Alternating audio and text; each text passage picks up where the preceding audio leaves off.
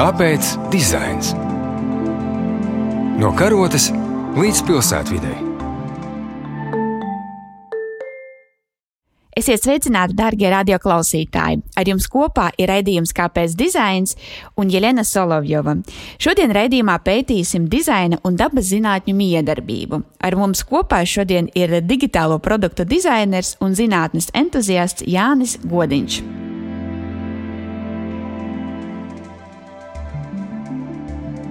Jā, iepazīstini lūdzu mazliet uh, ar sevi. Un, uh, tā kā mūsu šodienas raidījuma tēma ir dizains un zinātne, vai tu varētu lūdzu ieskicēt arī, kādas ir tavas attiecības ar zinātni?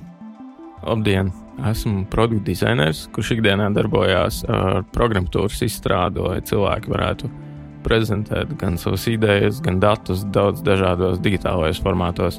Un mana saistība ar zinātni ir tāda, ka lielākoties zinātne ir viens no galvenajiem tādiem iedvesmas avotiem manā dizaina darbā, kā arī bieži vien mans dizaina darbs pārklājās ar dažādiem zinātnes aspektiem. Šajā raidījumā mēs periodiski diskutējam par dažādām jomām un nozarēm un par to robežām. Un es, Jāni, ļoti vēlos dzirdēt tavas pārdomas par to, kā tad dizains miedarbojas ar zinātni un otrādi. Pirms mēs būtu runājam par šo miedarbību, iesākumā būtu noderīgi nedaudz ieskicēt, tātad, kas ir zinātnes loma. Un primāri tāda tā zinātnes loma ir ļaut dabai un visumam mums apkārt, kā realitātei, kā tādai, apkārt tikt izprastai pēc iespējas tādai, kāda tā ir, neatkarīgi kā mēs to vēlamies vai kā mēs domājam, ka tā ir. Un, attiecīgi, šīs zināšanas kaut kādā veidā sastruktūrēt un veidot šīs saistības. Un otra lieta, man liekas, kas ir ļoti būtiska minēt šo saistību starp dizaina zinātni, ir tehnoloģijas, kas ir otra nozīmīga aspekts tandēmā ar zinātni, kas, teiksim, ļauj tās zināšanas, ko mēs iegūstam ar zinātnes palīdzību, realizēt kaut kādā veidā, tādā noslēgtā sistēmā un kaut kādā veidā kontrolēt tās un izmantot dažādos arī citādākos veidos, kā tas ir dabā sastopams bieži vien. Un tad, attiecīgi, tā kā šī tehnoloģijas un zinātne savā starpā ļoti viegli sadarbojas tādēļ, ka starp tām ir šī vienotā valoda, kas primāri ir matemātika, tad šeit spēlē ienāk droši vien šis dizains tādā veidā, ka dizains ir tas, kurš piesaista šīs tehnoloģijas un šīs zināšanas mūsu ikdienas kaut kādām vajadzībām un dzīvei. Piemēram, kodola fizika. Ir divi diametrāli veidi, kā mēs varam pielietot šīs tehnoloģijas un zināšanas. Tātad viens veids mēs varam uzdizainēt atomieročus un iznīcināt pilsētas. Otrs veids mēs varam uzdizainēt atomelektrostacijas un tādā veidā nodrošināt šīs pilsētas ar elektroenerģiju. Līdz ar padziļinātām zināšanām un avansētām tehnoloģijām ārkārtīgi būtiski kļūst ētikas un atbildības jautājumi, kas savukārt ir absolūta sastāvdaļa no dizaina procesiem. Ir arī eksotiskāki piemēri. Uh, Pols Dīraks 28. gadā sastādīja vienādojumu, kurš principā paredzēja to, ka ir iespējama antimatērija, kas ir kaut kas tāds, ko mēs uh, bez šaubām ikdienā nesastopam. Gāja laiks, un, protams, tika atklāts tas, ka var eksistēt tāds pozitrons un ka tāda antimatērija eksistē, kas, protams, noveda zinātni pie daudz sarežģītākām, dziļākām problēmām, kuras risināt. Savukārt šī tehnoloģija, ka mēs laboratorijā iemācījāmies radīt antimatēriju, joprojām varbūt izklausās pat arī 21. gadā, gan arī pēc simt gadiem, tā eksotiski un kaut kas no zinātniskās fantastikas. Tomēr atkal mēs esam izmantojuši šo tehnoloģiju, uzdizainējot uh, tāda ierīce un procedūra, ko sauc par pozitronu emisijas tomogrāfiju, kas ir viena no vislietotākajām un precīzākajām metodēm, kā var identificēt cilvēku organismā vēža šūnas. Līdz ar to mēs redzam, ka tiklīdz dizains ienāk šajā saspēlē ar tehnoloģijām un zinātni, mēs bieži vien pat vis tādas eksotiskākās lietas, kuras mēs parasti sakam, nu, ko tas mums ikdienā var kaut ko mainīt tāpat šīs lietas kaut kad, kaut pēc laikam ejot, var galu galā kļūt par mūsu ikdienu. Es domāju, ka ir būtiski uzsvērt arī šo jomu pārklāšanos, proti, kā dizains ietekmē zinātni vai kā zinātni ietekmē dizainu. Un te man nāk prātā amerikāņu dizainers un zinātnieks Bakmisters Fullers, kurš 50. gadu nogalē viens no pirmajiem definēja tādu jēdzienu kā dizaina zinātne un uzreiz gandrīz tūlītēji 60. gadus savukārt viņš rosināja pārsaukt par pasaules dizaina zinātnes dekādi. Un ar šo viņš iestājās, ka dizains savā būtībā ir sistemātiska pieeja, kuru mēs varam izmantot, lai strādātu dažādās eh, lielās starpdisciplinārās komandās uz šīs planētas, jeb, kā viņš pats sauca, kosmosa kuģa Zemes. Nu, lūk, un Bakijam bija virkne dažādu sekotāju, kas pēc tam vēl uh, 20. gadsimta otrajā pusē gan ilgi diskutēs par to, vai dizains ir zinātne, vai varbūt dizains izmanto zinātniskās metodas principus savā pieejā un tā tālāk. Bet uh, mans jautājums ir, vai arī varbūt uh, zinātnē iedvesmojas kaut kādā mērā no dizaina? Jā, bez šaubām robežas sapūst. Un... Zinātnē mēs bieži redzam, ka tiek izmantoti grafiskā dizaina elementi un paņēmieni, lai vizualizētu aizvien sarežģītākus konceptus um, un jautājumus. Kā arī mēs varam skatīties pagātnē. Tas pats Ņūtons 17. gadsimtā ļoti grafiski, precīzi centās attēlot visu savu eksperimentu gaitu un procesus, bet mēs varam skatīties arī vēl senāk, piemēram, 15. gadsimtā. Kad Koperniks savā darbā, kas bija kā pamats modernai astronomijai, izmantoja šo ārkārtīgi vienkāršo schēmu, kurā attēloja, ka planētas riņķo ap Sauli, kas, protams, bija revolucionāri un mainīja vispār mūsu skatījumu par to, kur mēs atrodamies šajā izplatījumā arī mūsdienās šīs grafikas un arī infografika tiek izmantota, lai izskaidrotu šos sarežģītākos konceptus. Un, un, protams, tehnoloģijām kļūstot aizvien attīstītākajām, zinātnes izpratnē palielinoties, šī dizaina skaidrošana nozīme tikai pieaug. Es domāju, ka, piemēram, ja Latvijas rādījot kolēģiem, būtu nepieciešams tagad īsi izstāstīt, kā darbojas rādio cilvēkam, kurš nav saistīts ar rādio. Es domāju, ka tas varētu būt diezgan liels izaicinājums. Es nezinu. Es nezinu.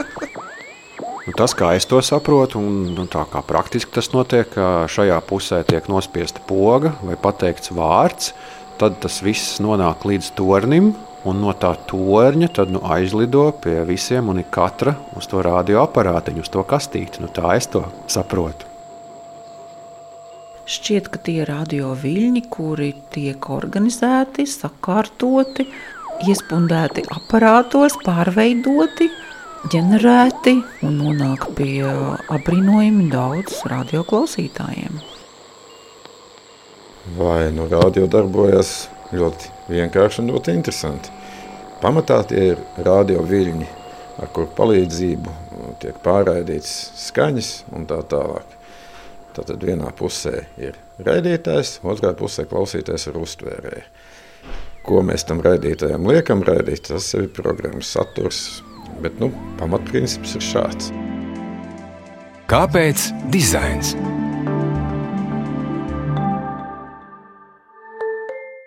Runājot par dizaina skaidrošanu, 1985. gadā Londonas Karaliskā biedrība veica pētījumu sabiedrības izpratne par zinātni un konstatēja, ka komunikācija par zinātni pirmām kārtām ir ļoti svarīga, otrām kārtām ir nepietiekama.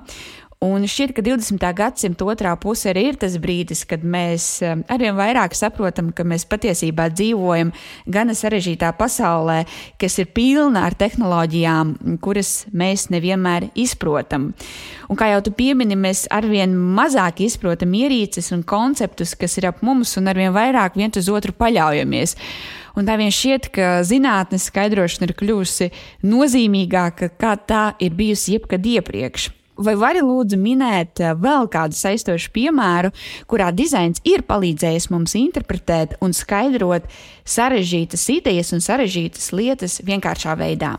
Jā, un šeit mēs varam minēt patiesībā vairākus cilvēkus no zinātnieku aprindām, tīpaši izceļot Kārlu Seiganu, kas uh, ir sapratuši šo problēmu un ir centušies veidot šos stāstus un raidījumus, kuros ir centušies izskaidrot šos konceptus arī teiksim, plašākām auditorijām.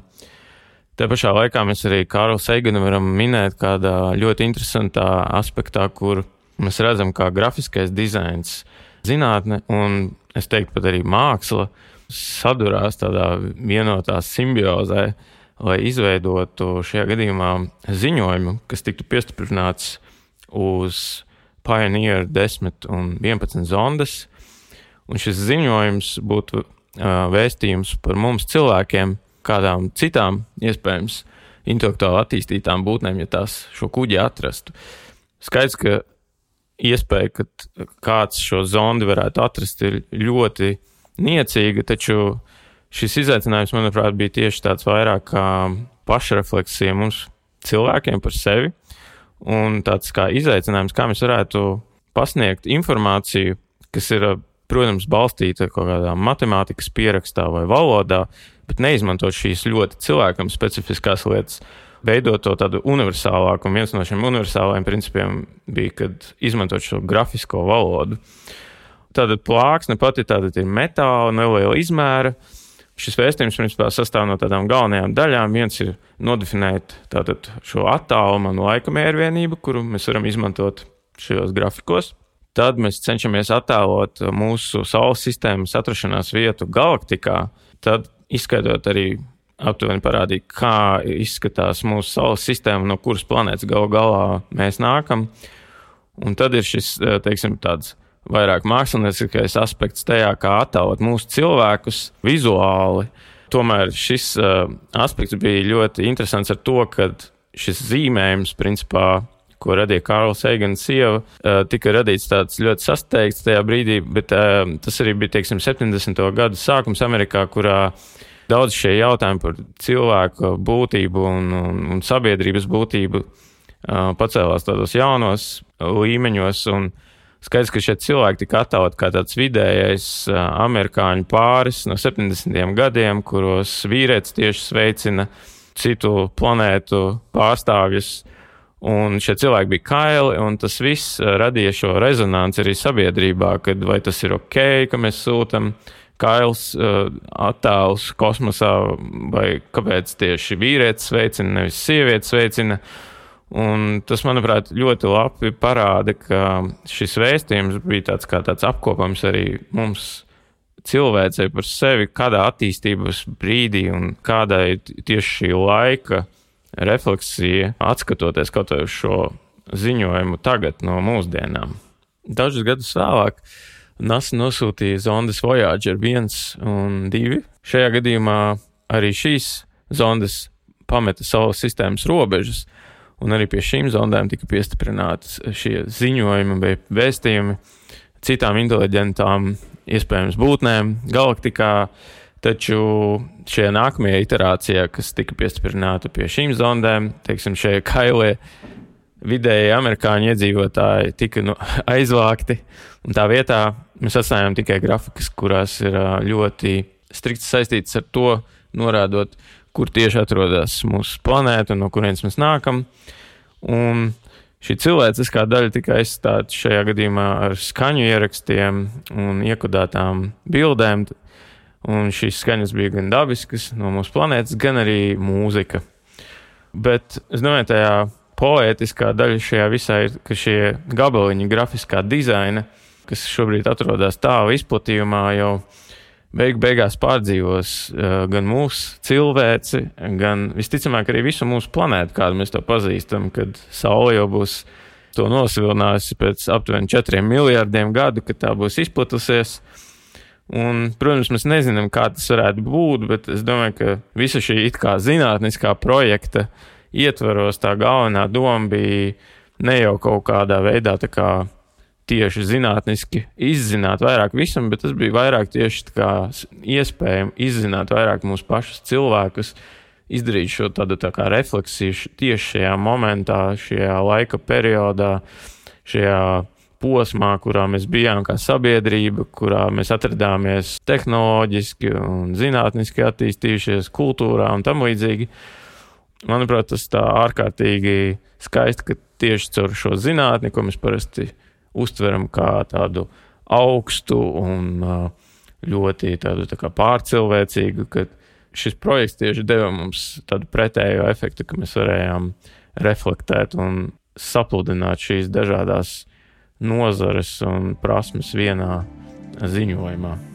Lielas paldies, Jāni, par ceļojumu. Mēs esam iemetuši aci gan 15. gadsimtā, gan 21. gadsimtā. Esam izdiskutējuši debu zinātņu un dizaina attiecības gan uz planētas Zeme, gan arī visā visumā. Ar jums kopā šodien bija Jelena Solovjova un Jānis Godiņš. Raidījums ir tapis ar Valsts kultūra kapitāla fonda atbalstu. Uz tikšanos!